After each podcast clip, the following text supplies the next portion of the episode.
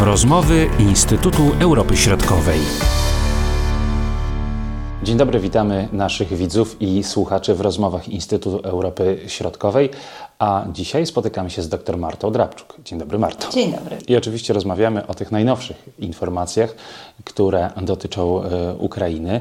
E, ustaliliśmy, że e, będziemy rozmawiali między innymi o sytuacji obywateli Ukrainy, który, którzy znajdują się na terenach okupowanych, tych okupowanych po lutym 2022 roku. I czy można powiedzieć, że ta sytuacja jest tożsama w tych wszystkich regionach, czy ona jakoś się różni? Inaczej trochę wygląda w okolicach Hersonia, inaczej w okolicach Melitopola, e, jeszcze inaczej w okolicach e, jakichś innych miejscowości nad e, Morzem Azowskim. Jak to jest? Rzeczywiście, w zależności od tego, kiedy tak naprawdę siły rosyjskie opuściły dane tereny, sytuacja jest nieco inna.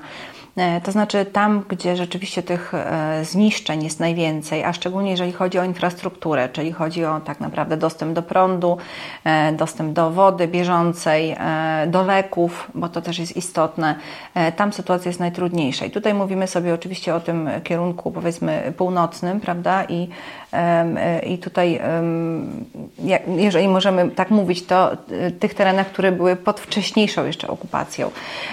I tam sytuacja sytuacja społeczna e, jest ciężka ze względu na to, że część tej infrastruktury, zgodnie z tym, co podaje oczywiście władza ukraińska nie udało się w ogóle odnowić. To znaczy te budynki jeszcze w tej pierwszej fazie, bo trzy fazy tak naprawdę tej usuwania e, skutków negatywnych były założone i ta pierwsza faza to była właśnie naprawa tego, co jeszcze pozostało i ta faza się zakończyła, ale trzeba powiedzieć, że rzeczywiście sporo z tej infrastruktury nie udało się e, w ogóle doprowadzić do stanu użytkowego, więc... I pewnie przez lata się nie uda, bo Dokładnie, straty są to jest ogromne, prawda? ogromne straty, ale też z drugiej strony no nie ma co odbudowywać czegoś, co tak naprawdę już swoje przeżyło, więc ci ludzie pozostają bez dachu nad głową.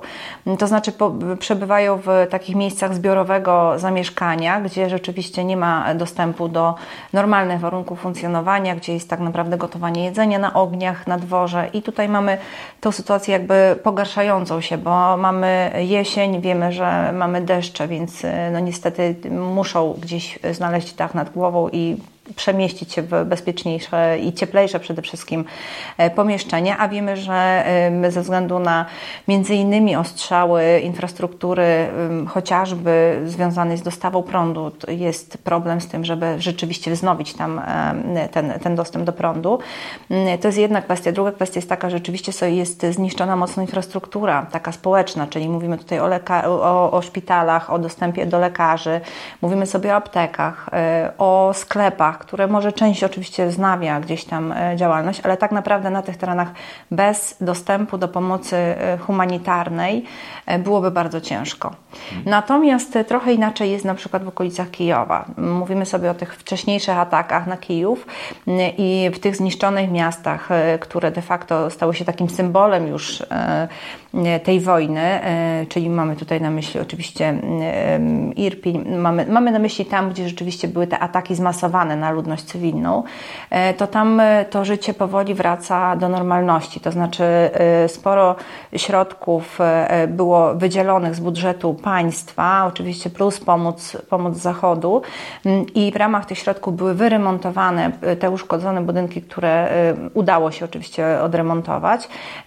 Poodnawiane są infrastruktura komunikacyjna, co też bardzo istotne, ponieważ pamiętamy, że była ta faza ostrzałów między innymi kolei ale też dróg, mostów, więc część została odnowiona, e, co de facto jakby nie świadczy o poprawie e, sytuacji w znacznym stopniu, ponieważ ponownie te obiekty infrastruktury są, są bombardowane przez, przez siły rosyjskie. Więc e, sytuacja jest o tyle zła, że pogarsza nam się pogoda. E, I niestety bez dostępu do prądu, bez dostępu do ogrzewania, e, sytuacja tych osób, które pozostają jeszcze na tych terenach jest ciężka. Jest dramatyczna wręcz, dramatyczna. można powiedzieć. Zresztą strony... stąd też pojawiają się te apele mówiące o tym, że jeśli możecie zostać za granicą na czas jesieni, zimy, tej wczesnej wiosny, to zostańcie po prostu, bo po prostu będą kłopoty, tak? Politycy ukraińscy tak właśnie formują E, komunikaty do, do swoich obywateli. E, rzeczywiście, pojawiał się e, w sumie już kilka razy było taki jawny apel, prawda, że jeżeli nie ma takiej konieczności, to pozostańcie w miejscach swojego tymczasowego przebywania, czyli tutaj należy oczywiście odczytywać, że jest to skierowany apel do osób, które przebywają poza granicami Ukrainy, ponieważ osoby, które są wewnętrznie przesiedlone też mają trudną sytuację, bo przebywają zazwyczaj w szkołach, zazwyczaj w pomieszczeniach, które zostały tymczasowo adaptowane na, na krótki okres, a tak naprawdę ten krótki okres trwa już kilka miesięcy.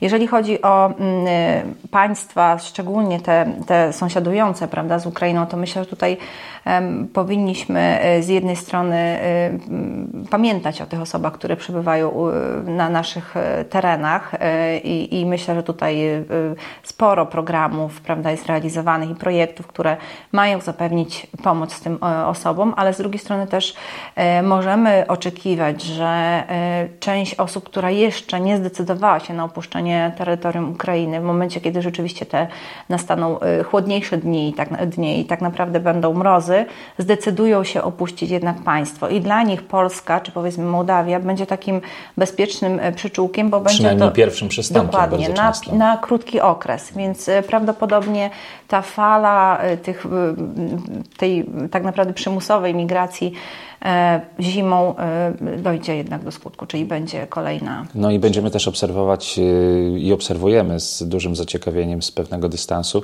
to co dzieje się na Hersońszczyźnie, która jest teraz celem tych intensywnych ataków. Docierają do nas informacje, że siły rosyjskie są wycofywane, ale oczywiście trudno Trudno jakby na 100% potwierdzić te wszystkie informacje. Może niektóre są e, celowo właśnie wprowadzane do obiegu, żeby odnieść wrażenie, że to już za chwilę, a tam walki mogą się toczyć bardzo ostre. No i właśnie też ludność cywilna tutaj będzie y, bardzo Mm, poszkodowana i właśnie w tym czasie jesienno-zimowym e, szczególnie będzie to e, wyglądało dramatycznie. Rzeczywiście tak, ale jeszcze jeden aspekt bardzo istotny, jeżeli chodzi o Hersoń. Z jednej strony wiemy o tym, że teoretycznie siły rosyjskie się przemieszczają, prawda, zmieniają swoją lokację, ale absolutnie nie świadczy to o tym, że się wycofują całkowicie. E, może to być też taki element informacyjny, czy takiego tak naprawdę takiej presji psychologicznej z jednej strony, a z drugiej strony taki materiał, materiał propagandowy użyty oczywiście na, na, na, potrzeby, na potrzeby tego, żeby zmylić de facto prawda, opinię, ale także siły ukraińskie co do planów, jakie, jaka, jakie strona rosyjskie, rosyjska ma wobec, wobec Helsońszczyzny całej. E, to jest pierwsza kwestia. Druga kwestia jest taka, że pamiętajmy, że zgodnie z tym, co reżim Putina twierdzi, po tych sfałszowanych pseudoreferendach prawda, i po tej aneksji e, ogłoszonej czterech de facto obwodów e, po stronie ukraińskiej. E, sam Hersoń stał się takim celem, który ma świadczyć o tym, że rzeczywiście ta cała specjalna operacja ma sens. Więc e, tutaj e, z jednej strony oczywiście e, obecność sił rosyjskich w Chersoniu, która utrudnia życie, co tu dużo mówić, ludności cywilnej. I też te zapewnienia, mhm, zapewnienie strony rosyjskiej, że absolutnie nie będą się wycofywać tak. z Hersonia, prawda? To tak. takie jasno postawione. Z drugiej strony te twierdzenia, prawda, że tam pozostały tylko osoby, które rzeczywiście chcą być mieszkańcami czy obywatelami Rosji, że absolutnie nie ma tam nikogo, kto by chciał, żeby wspierał e, go reżim, jak to e, Rosjanie określają, czy jak to reżim określa, nazistowski, prawda, prokijowski.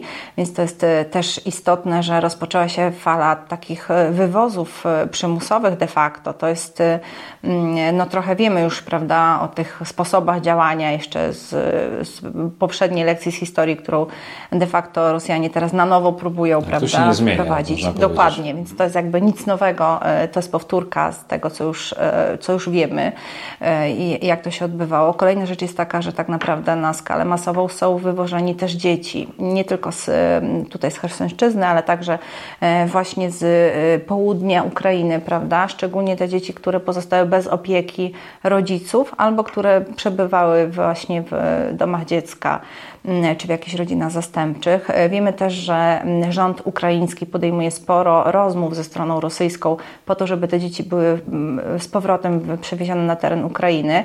E, te dzieci są oczywiście no, zombowane, prawda, że są niechciane, że strona ukraińska je oddaje i że absolutnie je nie chce. Są wywożone tak naprawdę daleko, ponieważ zazwyczaj to jest ten drugi koniec Rosji, prawda, gdzie są umieszczane w rodzinach i wmawia, wmawia się tym dzieciom, prawda, że tam im będzie e, lepiej. To jest też bardzo e, niebezpieczne ze względu na to, że są wywożone też dzieci, których e, rodzice żyją i poszukują tak naprawdę te dzieci, więc oczywiście jest stworzona cała baza, gdzie można te wszystkie informacje sprawdzać. Natomiast jest to rzeczywiście w, w, w chwili obecnej, szczególnie tutaj w, na Hersońszczyźnie odczuwalne, no bo tak jak mówimy sobie o tym, że pojawiają się komunikaty, żeby mieszkańcy no, natychmiast opuszczali swoje e, domy, prawda? Oczywiście strona rosyjska obwinia stronę ukraińską o tą ofensywę. Strona ukraińska e, absolutnie e, nie robi nic złego, ponieważ de facto komunikuje, że ma zamiar przejąć te tereny, tak, przejąć te tereny z powrotem. No mamy jeszcze, prawda, ten, ten zbiornik kachowski, czyli właściwie mamy, prawda, elektrownię wodną, tak, gdzie ona jest właściwie od kwietnia już zaminowana i tak naprawdę e, na dobrą skalę, w, znaczy w każdym momencie może być użyta, prawda, jako taka forma mm, e, rewanżu, jeżeli tak można to nazwać, prawda? Zemsty. Dokładnie, takiej zemsty ze strony, ze strony e, rosyjskiej. Pamiętamy też o tych groźbach, tak naprawdę, użycia tej brudnej, brudnej bomby, którą oczywiście Rosja twierdzi, że to Ukraina ma zamiar, aczkolwiek pamiętajmy, że jak Rosja twierdzi, że ktoś ma zamiar tego użyć, to znaczy, że o, o tym się w Rosji e, rozmawia. Więc to wszystko stwarza taką sytuację bardzo trudną. Zresztą e, pewnie e, też to, że mm, de facto te siły rosyjskie zostały jednak no, wypchane niejako, prawda, z, z części tych obwodów, które wcześniej były okupowane. A Hersoń de facto, między innymi mhm. Charkowski, tak. A Hersoń to została taka twierdza, twierdza de facto, tak można to powiedzieć, prawda, że jest dla Rosjan w tej chwili y, najważniejszy kierunek, jeżeli chodzi o cały, y, o cały y, prawda? kierunek działań. Tak. tak. Zresztą tutaj wojskowi podkreślają w jednym z ostatnich wywiadów generał Waldemar Skrzypczak mówił, że Rosjanie nie wycofają się z Hersonia, i po to tam są ci dowódcy, żeby właśnie tą obroną kierować i tak dalej. A zresztą generał w jednym z wywiadów u Igora Janka powiedział, że gdyby taki dowódca zdecydował się na wycofanie, to osobiście on by go rozstrzelał, prawda? Użył mniej więcej takiego sformułowania. To też jakby pokazuje, że z jakby operacyjnego punktu widzenia tutaj Rosjanie nie odpuszczą. No i z innych powodów też nie będą chcieli odpuścić. Porozmawiamy jeszcze o tej mm, pomocy, która no, jest planowana dla Ukrainy po zakończeniu działań wojennych, po zakończeniu wojny. Oczywiście to jest odległa przyszłość, tak z dzisiejszej perspektywy, Natomiast y, pewne deklaracje, ustalenia zapadają. Jak je oceniasz? Z jednej strony mówimy sobie o tej odbudowie po wojnie, ale z drugiej strony pamiętajmy, że w tej chwili no, ponad 38% y, infrastruktury krytycznej ukraińskiej y, już się nie nadaje do czegokolwiek. Rosjanie nie tylko to niszczą, ale także wywożą. To, co ocalało, oczywiście wywożą. Tutaj mówimy między innymi o kradzieży tym znanym memem, który krąży w internecie, prawda, a propos kradzieży internetu, czyli kable, kable na przykład są wywożone, e, czy jakiekolwiek, prawda, urządzenia, które się nadają, to zaraz e, są transportowane do Rosji. Mm, więc e, ta pomoc jest potrzebna na bieżąco. Jeżeli mówimy sobie o takiej totalnej odbudowie, to zacznijmy, to znaczy tu trzeba patrzeć dwukierunkowo. Z jednej strony odbudowa infrastruktury i to musi się dziać tu i teraz. Jeżeli mówimy o planowaniu, stąd między innymi te spotkania, najpierw mieliśmy tę konferencję w Lugano wcześniejszej, teraz mieliśmy spotkanie w Berlinie, prawda? Cały czas mamy platformę Support Ukraine, prawda, czy Ukraine 24, gdzie de facto e, różne podmioty, nie tylko państwa, ale także podmioty prywatne, e, korporacje mogą wspierać de facto e, tą odbudowę infrastruktury, a z drugiej strony mamy do czynienia w tej chwili z problemami, ogromnymi problemami odnowy gospodarki ukraińskiej, ponieważ w tej chwili, no niestety, ale to zadłużenie ukraińskie no, jest y, znacznie wyższe niż PKB, no? Bo wiemy, że tutaj dokładnie no, mamy załamanie przemysłu, prawda? Rolnictwo, no, eksport tego wszystkiego I, i, i to powoduje, że niestety tą gospodarkę, żeby odnowić, to trzeba będzie wiele, wiele lat.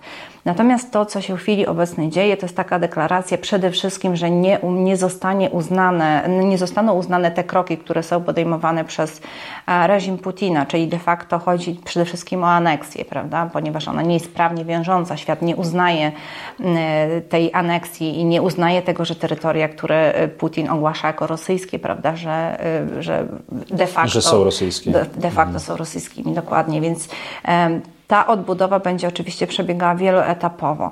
Mm, mamy deklaracje oczywiście tutaj ze strony przede wszystkim e, Komisji Europejskiej, e, ale nie tylko, też państwa poszczególne europejskie, też e, Bank Światowy, też no właściwie tak naprawdę, jeżeli spojrzymy sobie na, no, na mapę organizacji międzynarodowych, ale także tutaj mówimy o państwach europejskich, Stanach Zjednoczonych, to rzeczywiście deklarują chęć pomocy i wsparcia finansowego, zresztą są też przekazywane konkretne środki i konkretne kwoty deklarowane. E, sam mechanizm niejako pomocy też został już w miarę e, uzgodniony, ponieważ uzgodniono, że rzeczywiście e, to będzie tak, że to będzie wspólny organ, jeżeli można tak nazwać, czy wspólne, wspólne ciało, które w którym z jednej strony będą przedstawiciele donatorów, a z drugiej strony oczywiście przedstawiciele e, strony ukraińskiej. To wspólnie będą opracowywać plany, na podstawie tych planów programy i właśnie na podstawie tych programów będą przyznawane środki. Z jednej strony będzie to taka możliwość e, sprawowania kontroli de facto nad tymi wydatkami, które będą poczynione, a z drugiej strony też będzie możliwość uwzględnić te realne cele gospodarki ukraińskiej obecnie podczas wojny, bo wiemy, że ta wojna no niestety ale kosztuje mm, znacznie więcej niż Ukraina jest w stanie e, tych środków zapewnić, a z drugiej strony właśnie po. Czyli jest w tej chwili ważny jest ten etap przygotowania de facto do tej odnowy, bo w momencie, kiedy rzeczywiście ta wojna się zakończy, jakokolwiek byśmy definiowali ten koniec, tak. to tak naprawdę działać. pomoc mhm. będzie e, potrzebna natychmiast. Oby to stało się jak najprędzej i żeby ta odbudowa y, y, ruszyła, no ale do tego no, jednak y, musi być spełnione kilka warunków. Ten podstawowy, no to fizyczne, nie tylko teoretyczne pokonanie agresora rosyjskiego. Dziękuję Państwu, do zobaczenia, do usłyszenia. Były to rozmowy Instytutu Europy Środkowej.